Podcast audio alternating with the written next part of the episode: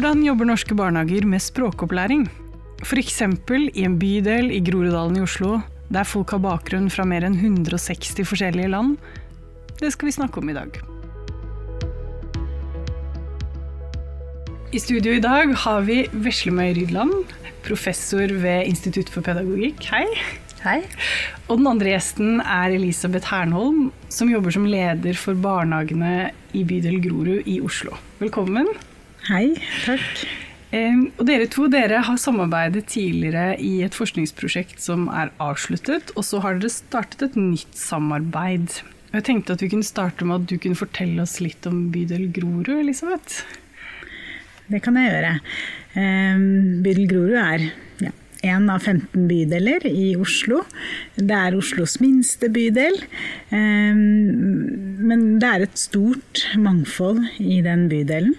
Eh, og ja, typiske trekk ved befolkningen vår, det er at, at i likhet med andre Groruddalsbydeler, så kommer vi langt ned på statistikk som beskriver levekårsutfordringer. Og da er det f.eks. når det gjelder utdanningsnivå, at vi har et lavere utdanningsnivå, høyere arbeidsledighet, flere enn snittet som, som lever av ytelser fra, fra Nav.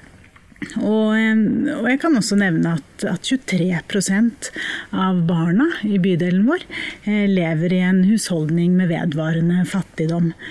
Eller vedvarende lavinntekt, heter det. Og i noen av delbydelene hos oss så, så, er det over 30% Og tall for hele Norge er 11, litt over 11% Så det er ja, det er en mangfoldig bydel. Vi har ca. 160 ulike nasjonaliteter som er bosatt i bydelen vår. Og, og det er ca. 1300 barn som går i de kommunale barnehagene våre. Jeg tenker jeg, Veslemøy, at du er vel veldig opptatt av å synliggjøre skillet mellom det å ha minoritetsspråk på den ene siden og det å ha en sosioøkonomisk bakgrunn på den andre siden. Og om jeg forstår deg rett, så handler det om at det å være minoritetsspråklig i seg selv ikke trenger å være en utfordring. Mm. Kan du forklare det? Ja, jeg tror det er veldig viktig også når vi har dette temaet oppe om flerspråklige barn og familier og barnehage, at vi også sier at det å være flerspråklig det er i utgangspunktet ikke forbundet med å ha en vanske. Må, vi må ikke forveksle det å være annerledes med det med vansker. Altså det vi vet er at Flerspråklige barn de vil ofte ligge bak enspråklige barn når de kartlegges på ett av sine språk. Og det er fordi de lærer to språk samtidig. Men dersom man ser på hva flerspråklige barn kan på tvers av sine språk, så er det mindre forskjeller mellom enspråklige og flerspråklige barn. Så kan selvsagt flerspråklige barn ha vansker i sin språkutvikling, akkurat som enspråklige barn kan ha det. Det er likevel en del utfordringer for barn som skal vokse opp som flerspråklige. Altså særlig når de får sin opplæring i en enspråklig og monokulturell kontekst. Kan du utdype det? Hva ja. betyr det? det er jo hvis, hvis vi sånn som eh, Når vi tilrettelegger eh, pedagogiske virksomheter som barnehage og skole, at vi er veldig opptatt av eh, hvordan vi gjør det i Norge. ja. Og vi er veldig opptatt av at barn må lære norsk. det er selvfølgelig veldig viktig. men det er også veldig viktig å ta hensyn til at disse barna har andre kunnskaper og ferdigheter som de har utvikla på sitt morsmål. Og hvordan vi som pedagogiske kontekster kan ivareta måte, bredden i det barn kan når de kommer til barnehagen og skolen, f.eks. Mm. Og hvordan vi bygger på de ressursene da, når vi planlegger pedagogiske virksomheter. Mm. Mm. Og hvis vi nå bare kort skal også bare forklare altså, sosioøkonomisk bakgrunn, hva, hva, legger man egentlig i det begrepet? ja, altså, det, det, kan, det, kan, studeres på veldig mange måter, men når forskere ser på det, så er det veldig ofte foreldrenes utdanningslengde og skolegang som vi måler. Eh, og så eh, foreldrenes yrkesstatus. Om de har arbeid, og hva slags type arbeid de har. Og hvor mye de er i arbeid. Mm. Så kan man også se på inntekter og utgifter i familien. Mm. Um, og Elisabeth, dere har jo da i bydel Grorud vært en del av denne Groruddalssatsingen. Uh, og jeg vet at dere hadde da noen undersøkelser i forkant. Kan du fortelle litt om hvorfor dere gjorde disse undersøkelsene, og hva dere fant? Ja, vi er jo, som du eh, sier, en del av, av Groruddalssatsingen, eller områdesatsingen i Oslo. Eh, og der skal vi jobbe nettopp med utvikling av, eh, av tjenestene og av barnehagene spesielt. Da. og og i den forbindelse så har vi vært veldig opptatt av hvordan vi kan eh, lage den, eller utvikle den best mulige barnehagen for vår befolkning og for de barna som går i våre barnehager. Og da gjorde vi, ved oppstarten av den områdesatsingen, så gjorde vi en forundersøkelse. Og, og da lærte vi eh, veldig mye om barnehagene våre. Eh, vi fant bl.a. at det er at det er kvalitetsforskjeller mellom barnehagene og innad i den enkelte barnehagen. Ehm, og vi fant også at det, var, at det, er mangler i eh, arbeidet med systematikk, eh, ansattes kompetanse og, og, måten vi er organisert i barnehagene på. Men det som var kanskje enda mer interessant, det var at vi oppdaget at, at vi de funnene vi gjorde, var ganske like funn som er gjort i andre undersøkelser i, i resten av landet.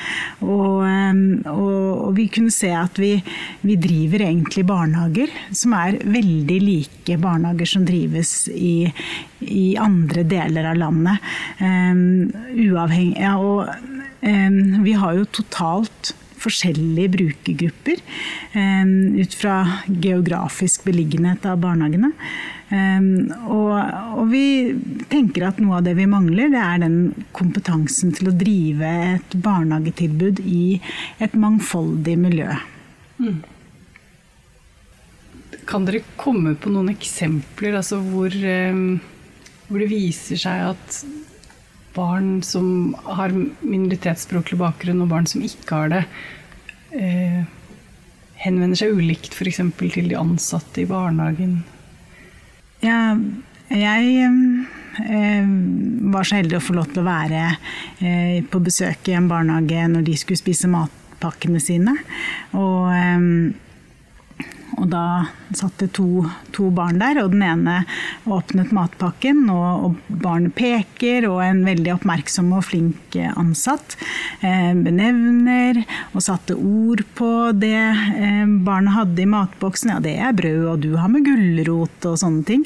Eh, og så åpner eh, barnet som satt ved siden av sin matboks, og, og utbryter eh, Jeg har med lapper i dag. Det er sånne vi kan spise, ikke sånne vi skriver på, da. Og, og, begge disse, eller så forskjellig kan det være. Og begge disse barna har jo krav på gode og utviklende samtaler, og et barnehagetilbud som støtter dem i deres utvikling og hjelper dem å nå sitt potensial. Og og dette er noe av det som forklarer hvorfor vi må ha de, de, beste folkene i barnehagene våre. Og de beste metodene. Og det er derfor vi, vi må ha forskere som hjelper oss å se på det tilbudet vi gir. Mm. For du, tenker at det barnet som da altså barnet som snakker om lapper som ikke er lapper man skriver på, at det barnet da åpner opp for en dialog da med de ansatte?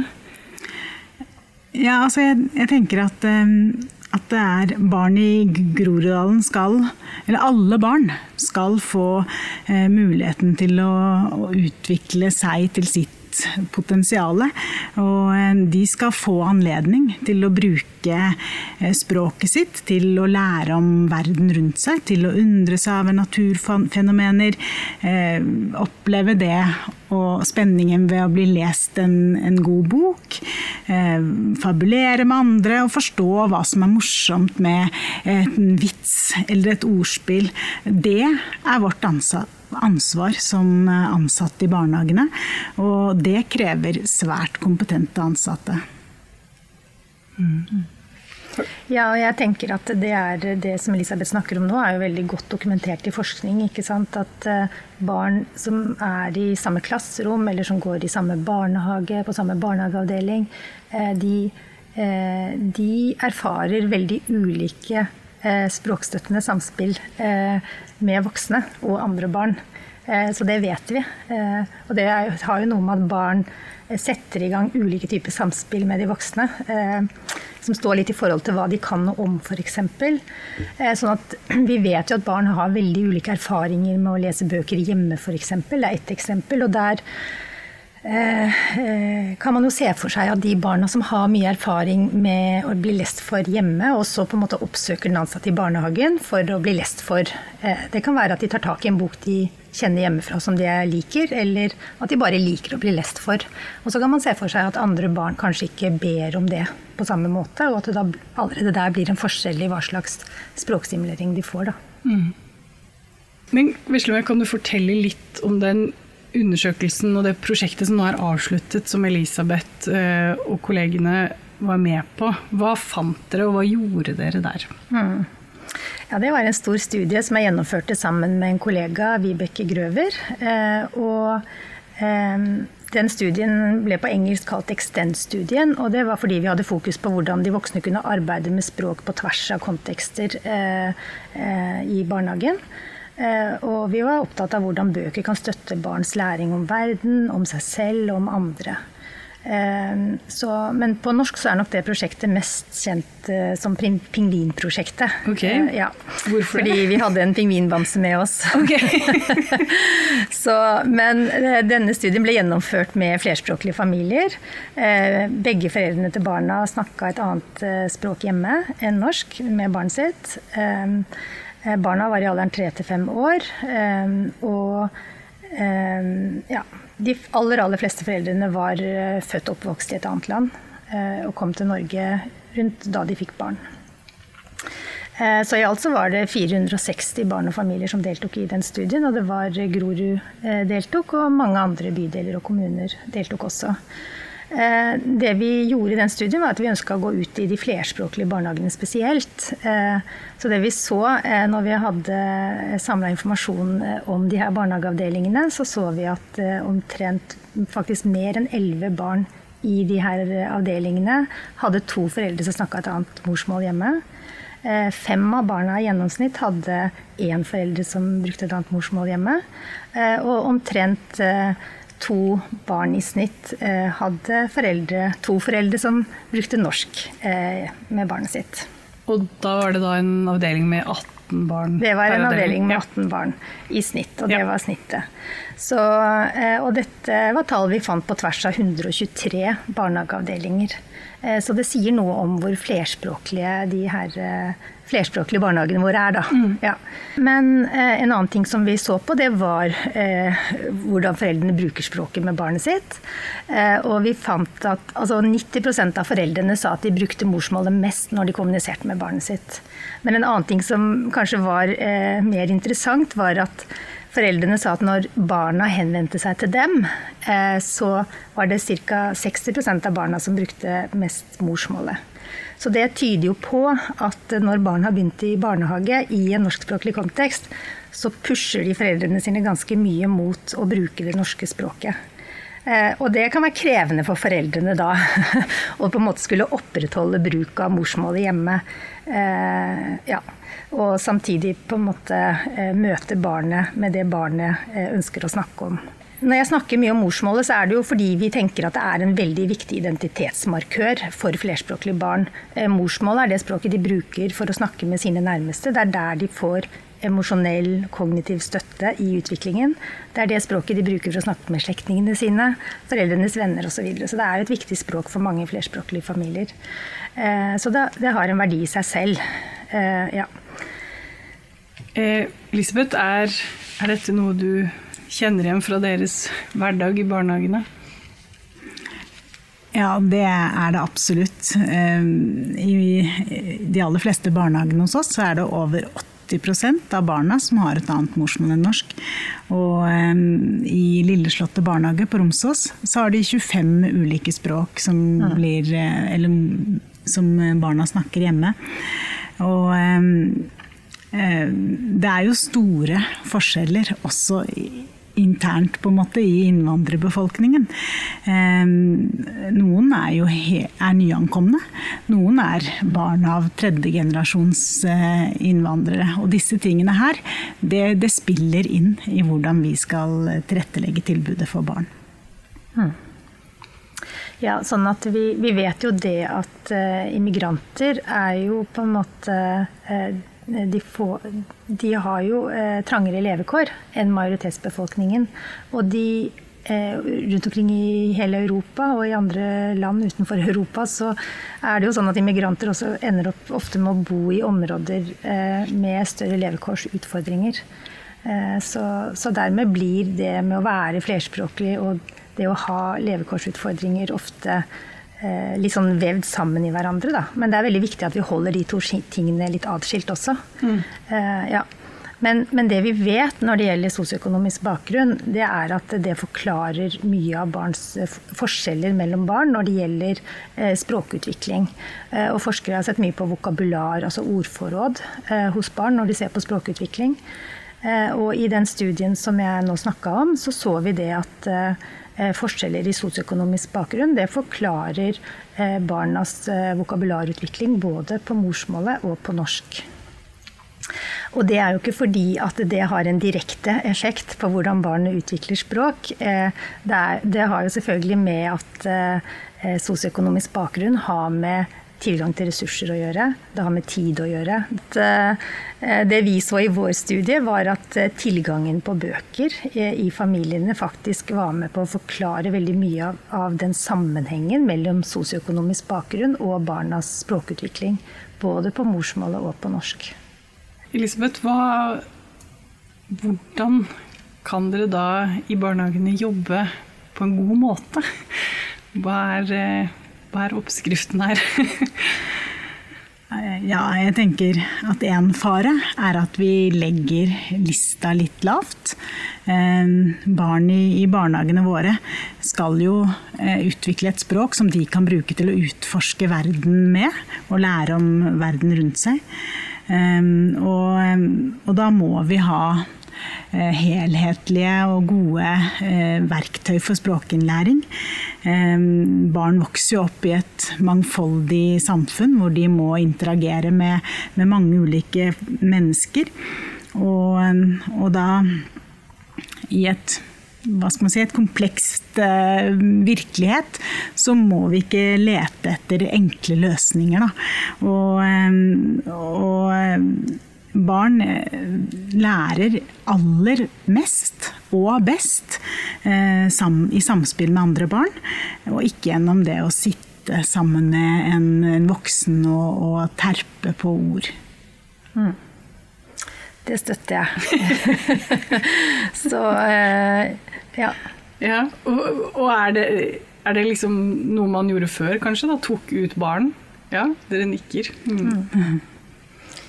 Det har vært en del av det. Eh, eh, for å, eh, man, man, har tenkt at hvis man gir barn litt sånn grunnleggende begreper, ord og begreper, så kan det kanskje sette i gang en språkutvikling på en måte. Men i forhold til det vi vet om barns språkutvikling, det gjelder både enspråklige og flerspråklige barn, så er det så enormt mange kvaliteter som støtter barns språkutvikling.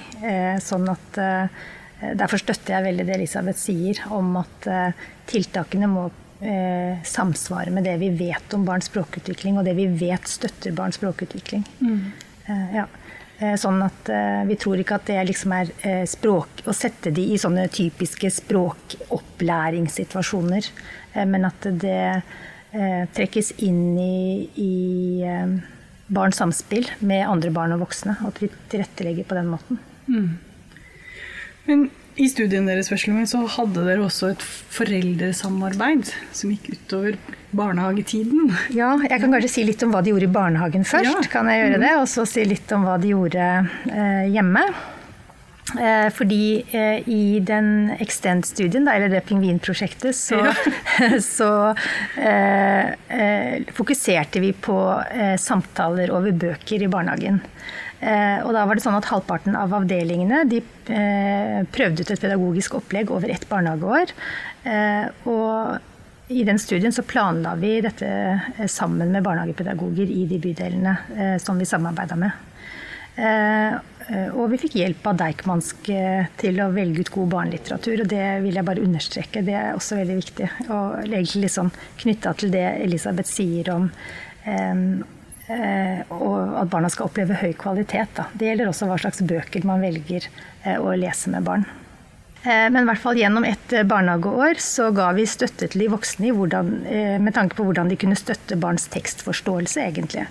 Så det vi la til grunn, var at barn trenger en rekke ferdigheter for å forstå tekster senere.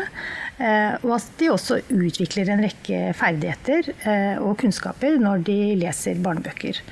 Så det var liksom grunnlaget. Vi tenkte at barn de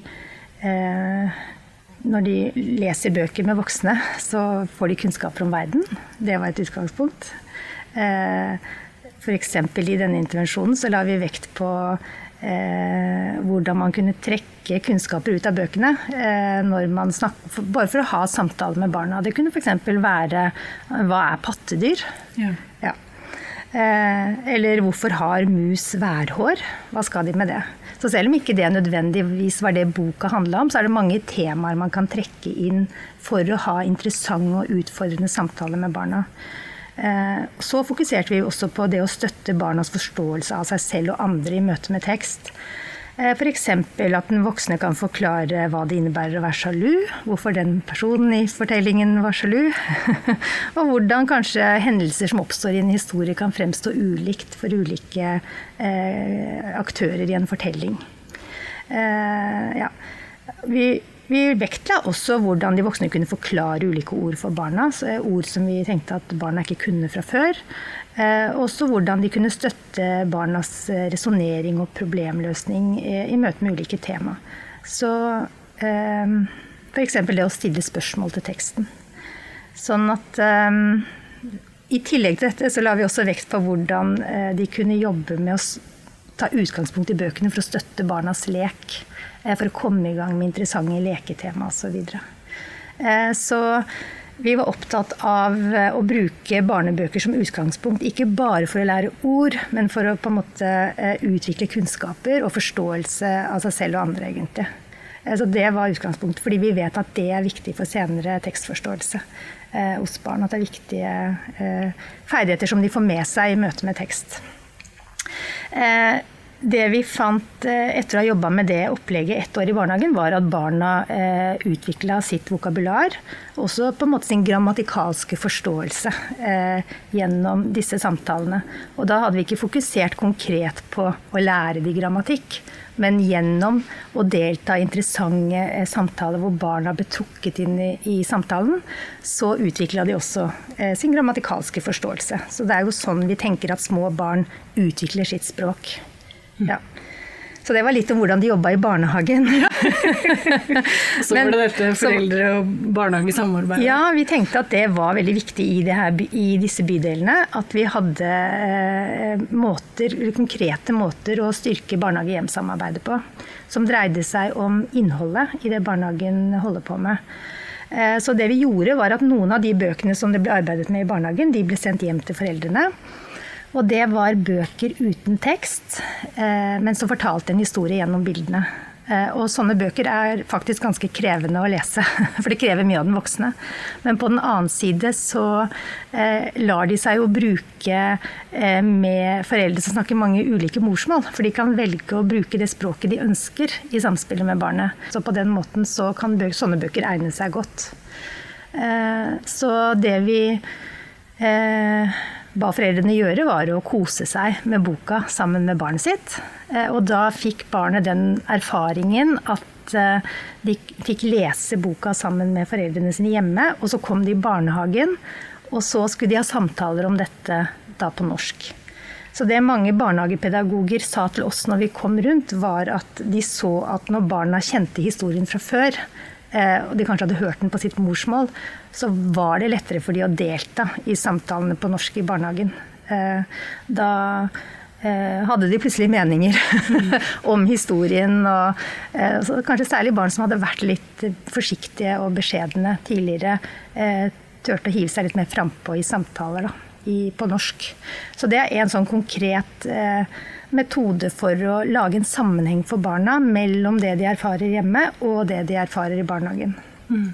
En annen ting som jeg tenker er veldig viktig eh, fra den studien, var at vi så at foreldre, helt uavhengig av sosioøkonomisk bakgrunn, deltok på dette. Eh, sånn at den virkelige majoriteten av foreldrene eh, deltok og leste disse bøkene sammen med barna sine. Eh, så det viser vel at hvis vi klarer å inkludere foreldrene på måter der de kan eh, bruke seg selv, da, bruke sine eh, kunnskaper og erfaringer, så er det litt lettere for de også å bidra eh, i forhold å samarbeide med barnehagen. Det var veldig interessant å høre på, Veslemøy, og, og for meg så blir det ganske klart da at det er ikke bare det å lære et språk det handler om, men at språk er en innvevd og kompleks del av barns uh, utvikling. Mm. Hva tenker du om dette, Elisabeth? Eh, det er veldig spennende. Og det jeg tenker er at det handler om, om kvalitet. Kvalitet i barnehagene. Eh, og jeg tror ikke vi har knekt koden helt for hva en høykvalitetsbarnehage er i et utsatt område som Grorud.